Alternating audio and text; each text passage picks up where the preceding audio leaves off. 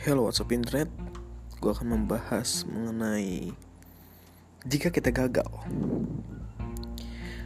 Hmm Jika kalian gagal Kalian ini apa? Stop di sini? Apa bangkit dan terus melanjutkan perjalanan kita?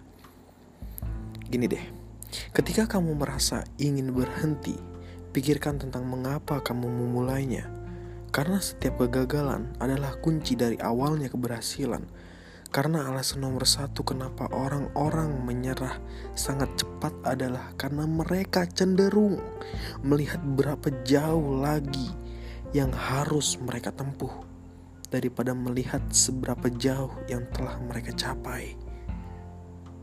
Jadi ayo bangkitlah.